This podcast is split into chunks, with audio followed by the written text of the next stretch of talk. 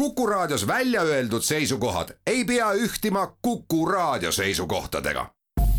Te kuulate Kuku Raadiot. loodusajakiri, vaata ka looduseajakiri.ee. tere kõigile teile, head kuulajad, ilusat reede õhtu jätku. täna on Loodusajakirjas külas Tartu Ülikooli juureökoloogia professor Ivika Ostonen, tervist! tere! Mina olen saatejuht Tiia Rööp. ajakirja Eesti Loodus novembrinumbri huvikeskmes on muld ja mulla elustik ning saatekülalisel on Eesti Looduse novembrinumbris artikkel Taimede peidus poolest. juurtel on märksa laiem tähendus, on selle artikli pealkiri. juurtel on kaks põhiülesannet, mis peaksid selgeks saama juba üsna varases kooliastmes õpetatakse õpilastele selgeks, et üks asi, mida juured teevad, on see, et taim püsiks mullas, teine asi on see, et nad varustavad taime vee ja toitainetega. see on väga lihtsustatud lähenemine juurtele. ma nüüd natukene võimendan üle, aga see on umbes nii, nagu me inimese puhul ütleme, et inimesel on käed selleks, et hoida lusikat no võib ka nii öelda, jah. juurtel on väga-väga palju muid äh, funktsioone ja tegelikult äh, kõik juured ei ole üldse sama funktsiooniga et kui hakata lähemale, lähemalt vaatama, siis nüüd sõltub taimest, kas me vaatame rohttaime või me vaatame puud, siis juba seal on väga suur erinevus, kas meil on puitunud juuri, võib-olla kõik on näinud kändusid ja, ja siis tundub, et sealt kännu juurest hakkavad hargnema nagu jämedad juured. ja kui me võtame rohttaime, siis me noh, näiteks põllul rohides tõmbame välja oraseina, siis selgub, et Äh, tükike tema risoomist jäi mulda ja sealt hakkab kasvama uus taim. ja tegelikult see risoom ei olegi juur, see on hoopis maa-alune vars ja selle varre küljest kasvavad uued taimed maa peale ja, ja juured maa, mulla sisse, nii et tegelikult äh, see maa-alune maailm on täpselt sama mitmekesine, kui on maa peal. me lihtsalt ei näe seda ja sellepärast kutsutakse seda või öeldakse nii, et, et peidus pool. nähtavat poolt maapealset poolt, on taime puhul, ütleme, mõõdukalt lihtne uurida, jälgida, ka katseid teha. me saame mõõta, me saame vaadata, mismoodi üks või teine tegevus, üks või teine aine mõjub, milline on selle toime, kuidas uuritakse juuri oh jah, see on endiselt väga suur küsimus ja ma, ma tahaksin öelda, et, et me oleme praegu tegelikult väga suure niisuguse revolutsiooni lävel, sest et äh, esimest korda me saame tehnoloogiliste vidinatega teha maa-alust maailma enda jaoks nähtavaks ja seda masinate ja masinõppe abil väga kiiresti analüüsida. aga kui algusest alustada, siis äh, juuri ikkagi kõigepealt kaevati välja. ja kui nüüd välja kaevata juuri, siis tegelikult need kõige peenemad ja kõige tähtsamad nendest lähevad kaotsi, sest meie lihtsalt ei näegi neid ja nad jäävad niimoodi või no ei, me ei suuda neid kõiki pisikesi tükikesi kokku korjata. Ja siis on tehtud igasuguseid trikke, et lisaks kaevamisele on äh, pandud näiteks mulla sisse selliseid ähm, kas siis äh, teist materjali, näiteks liiva või on, on siis sõelutud see muld läbi ja pandud ilma juurteta muld sinna ja vaadatud, et, et kui kasvavad sinna sisse juured, et noh, kui palju neid on, mis aja jooksul nad sinna kasvavad, need on sellised sissekasvu sokid või sukad või, või kuidas iganes neid siis nimetatakse, et noh, et teada saada, kui palju aastas juuri üldse kasvatab taim. üheaastaste taimedega on ju lihtne. Et äh, kõik juured, mis maa all on, on ju sellel aastal kasvanud, eriti kui, kui me oleme sinna näiteks uue põllukultuuri pannud. aga kui meil on looduslik kooslus, siis on, on väga raske öelda, kui kaua need juured seal on olnud, kas nad on sellel aastal moodustunud, on nad eelmisest aastast, kui kaua juured üldse elavad ja seetõttu tegelikult need meetodid siiamaani ongi ikka veel, kas siis väljakaevamine, kindla ruumalaga, näiteks mullapuuriga proovi võtmine, et siis me teame, kui palju kindlas mulla ruumalas on juuri, et saaks hinnata kvantitatiivselt, aga nüüd eelmise sajandi lõpust hakkasid arenema sellised meetodid nagu, et, et üritati kaameratega vaadelda juurte kasvu ja see tähendas siis seda, et maa alla pandi kas äh, läbipaistvad torud või äh, kaevati mullakaeve ja sinna pandi siis äh, klaas ja seal klaasi taga hakati siis vaatlema, kuidas need juured kasvasid.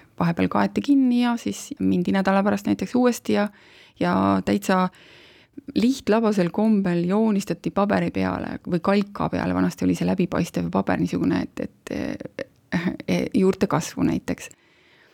Nüüd tänaseks on meil olemas nii skännerid, meil omal taskus on mobiiltelefon, millega võiks pilti teha ja on olemas ka spetsiifilised äh, minirisotron'i kaamerad, mis äh, tõesti siis pannaksegi nagu need läbipaistvas torus, mis on enne, eelnevalt siis mulda pandud ja nende kaameratega siis saab äh, pildistada iga natukese aja tagant või kas või kogu aeg, aga selle peamine probleem on see, et sinna tekib nii palju pilte, et nende analüüsimine võtab täpselt sama palju aega, kui näiteks peaks siis neid juuri sealt mullast välja pesema.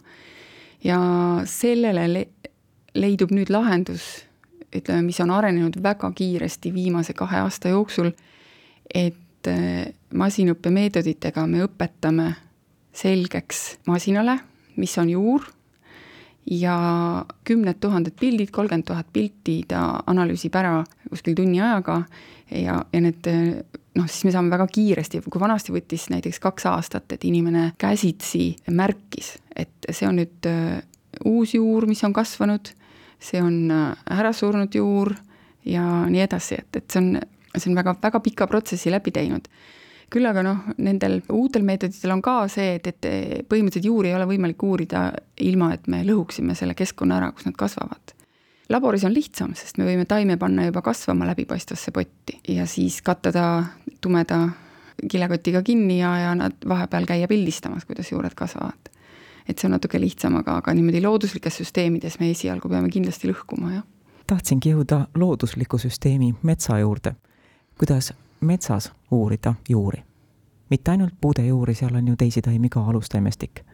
kuidas sellest rägastikust läbi murda. vot seal on veel eriti keeruline, on see, et kui me maa peal tunneme need taimed ära, mis taimed seal kasvavad ja meil on taimesüstemaatika, me võime määrata nad kõik ära ja nii edasi, siis tegelikult me peaksime täpselt sedasama tegema maa all ja on võimalus, et me tõesti kõik loodusliku koosluse liigid ükshaaval kaevame üles, vaatame, millised nende juured välja näevad ja õpime ära, et millised need juured on.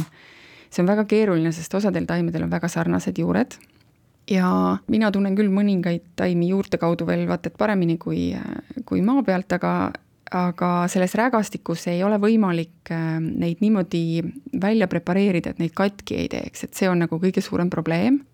No juuri uuritakse tegelikult, äh, kui me tahame, oleneb, missugusel tasandil me uurime, et noh, mina olen nagu kõige rohkem äh, analüüsinud, et kui palju neid on ja kui kiiresti nad kasvavad, kui kaua nad elavad, et me saaksime teha arvutusi niisuguse aineringete osas, et kui palju süsinikku liigub maa alla, kui palju on taimejuurtes lämmastikku, kui palju on taimejuurtes näiteks ka raskmetalle, sest taimed väga hästi puhastavad keskkonda, akumuleerivad endasse raskmetalle ka ja selleks meil on vaja teada, kui palju juuri on ja kui kaua nad elavad. See küsimus on õige, selleks on tegelikult selliseid spektromeetrilisi meetodeid arendatud, et äh, niisuguste biokeemiliste markerite järgi määrata, mis taimede juured seal maa all on, aga looduslikes kooslustes on äh, taimeliike liiga palju, et äh, täpselt öelda iga liigi osakaal, sest et tegelikult meil võib olla niisugune pilt, et, et maa peal meil on ühe taimeliigi domineerimine, meil on näiteks seal mustikat väga palju või, või mis iganes niisugusi tulikaid, aga selgub, et maa all tundub, et on hoopis rohkem nagu mingisuguseid rohujuuri, kõrreliste juuri. nii et, et see maapealne proportsionaalne osakaal erinevatel liikidel ei pruugi olla sama maa all. Ja sellest on väga vähe teada. süsiniku salvestamine juurtesse lipsas korra jutust läbi. me teadvustame seda ja räägime sellest, et meie metsad salvestavad süsinikku ja me mõtleme alati puidu peale, kui palju salvestatakse või salvestub süsinikku juurtesse? siin ma kohe tahan lisada, et kõik taimed salvestavad süsinikku, kõik rohelised taimed, sealhulgas niidud salvestavad meil ka väga olulise osa süsinikku. Mitte ainult puud ja metsad, aga muidugi metsad on pikaajalised ja, ja see süsinik salvestub sinna pikaks ajaks. ja see ongi äh, võib-olla sellise metsa kõige suurem väärtus, et see süsinik, mis on sinna salvestatud, see varu seal metsas on suur. eriti kui äh, mets saab vanaks ja, ja seal on seda süsinikku salvestunud ka näiteks mõnes surnud puus ja see liigirikkus on seal suuremaks läinud, et, et siis, siis tegelikult kõik need osad salvestavad süsinikku. aga maa all, see sõltub nüüd kasvukohast ja mullatüübist väga palju. et äh, tegelikult äh, öeldakse, et peidus pool, eks, et noh, et me võime nagu arvestada, et pool taimest peaks olema maa all. no nii umbes ongi, aga kui me võtame näiteks puu, siis tema maa-alusest massist äh, kõige raskemad on need jämedad juured ja känd, aga kõige kiiremini ja kõige nagu käibivad ja kõige dünaamilisem osa on väga peenikesed juured, just sellised juuretipud mille läbimõõt on umbes niisugune null koma kaks, null koma kolm millimeetrit ja need tipud on meie metsapuudel enamasti koloniseeritud seentega, mükorrhiza seentega ja ka seened saavad puu käest oma süsinikku. nii et kogu see toiduahel, kes saab oma süsinikku juurtest, peaks tegelikult olema sisse loetud sellesse süsinikuvarusse, mis metsas on. Et ja noh, eks nad on mullas, aga tegelikult ütleme niisugune, et meil on mm, ühes keskmises metsas on äh, kõige peenemaid äh, juuri kuskil ähm, poolteist kuni kolm tonni keskmiselt hektarile. Ja aga see on nüüd, kui palju neid on, aga kui palju aastas nende, nendesse süsinikku tuleb see on nagu järgmine küsimus, et tegelikult nad, kuna nad elavad lühikest aega, siis neid uuendatakse kogu aeg ja sinna tegelikult suunatakse väga suur osa aastas fotosünteesi käigus seotud süsinikust. nii et mulda suundub pidevalt väga suur kogus süsinikku, aga mis siis hingatakse sealt tagasi õhku äh, või jääb siis sinna mullamineraalidesse või seentesse või nematoodidesse, vihmaussidesse, et seal on äh, väga pikk toiduahel, kes kõik tegelikult äh, sõltuvad nendest äh, taimedest ja nende taimede juurtest. taimede juurtel äh, on ümber risosfäär, kus on väga palju baktereid, seeni, arhesid, ka nematoode, lülijalgseid, igasuguseid mikroskoopilisi olendeid, kellest osasid me tõenäoliselt ei tunnegi ja nemad on kõik omavahel seotud, kes keda sööb, saab taimelt süsinikku või saab hoopis taime sööval nematoodi söömisest kõhu täis. nii et äh, see toiduahel on meil veel äh, niisugusel, ütleme, geneetilisel tasandil me võime teada, kui suur on liigirikkus ja kui palju seal on, aga mida nad kõik teevad, seda me veel endiselt ei tea mitmel korral on käinud jutust äh, läbi see, et me endiselt ei tea, et seda on vaja uurida, seda me täpselt ei tea. kas on olemas selliseid teemasid, mille puhul juureökoloogid on omavahel eriarvamustel, mille puhul no kõige rohkem vaieldakse? kindlasti on, ühesõnaga tegelikult, mille üle juureökoloogid omavahel vaidlevad, on, on see, et äh, kes juhib keda, et kas taimede juured juhivad mikroobikoosluste elu ehk nad reguleerivad enda poolt ähm, eritatavate ühendite abil, milline mükorhisaseen neid koloniseerib millised bakterikooslused elavad nende risosfääris või nende vahetu pinna läheduses, või hoopis reguleerivad need mikroobikooslused taimejuure kasvu omapoolsete ensüümide või ähm, kas või näiteks äh, lämmastikuga äh, on, on näiteks selline teooria, et äh, mükorisaseened äh, transpordivad või enamuse fosforist näiteks saavad juured äh, just põhjapoolsetes metsades mükorisaseente abil. tänaseks me teame, et osa neid mükorisaseeni hoopiski toimib või talitleb koos bakteritega, kellel on fosforit vabastavad ensüümid, nii et ähm, tegelikult põhiküsimus on meil selles, et, et kes keda juhib ja sellest on väga raske aru saada, sest et tegelikult keskkonnatingimuste muutudes võib see ka muutuda.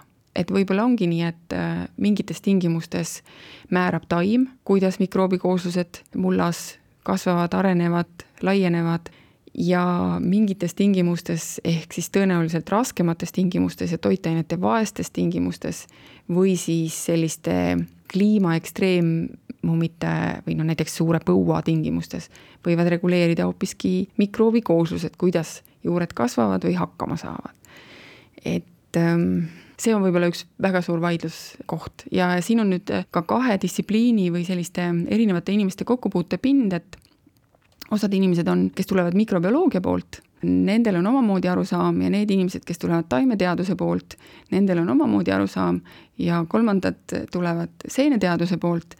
Ja meil on isegi selliseid et me nimetame vahel juureosi erinevalt, et näiteks mükoloogid nimetavad väga rahulikult mükoriisa osaks ka juuretipu, mis on koloniseeritud, taime- või juureökoloogid võib-olla alati mitte, kutsuvad seda pigem mükoriisseks juuretipuks, nii et ka terminoloogiliselt on endiselt see juureteadus veel selline, kus väga palju termineid võib olla kasutuses ühe sama asja kohta.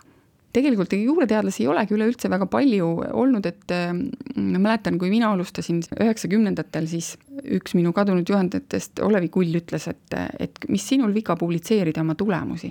Need ongi esimesed mõõtmised või teised, ma ei konkureeri kellegagi. ja praegu tegelikult juureteaduses on endiselt veel väga palju selliseid asju, et, et mida võib tõesti esimesena avastada või esimesena kirjeldada. ja avastada on palju? avastada on väga palju kellel tekkis meid kuulates huvi, kui sügaval juured kasvavad või mis on peenjuurte ülesanne ja kuidas keskkonnamuutused mõjuvad juurtele, siis vastuse nendele küsimustele ja teistelegi saab ajakirja Eesti Loodus novembri numbrist. saatejuht Tiia Rööp tänab külalist, Tartu Ülikooli juureökoloogia professor Ivika Ostoneni intervjuu eest, suur tänu teile! ilusat õhtu jätku kõigile, head nädalavahetust ja jälle kuulmiseni! loodusajakiri, vaata ka looduseajakiri.ee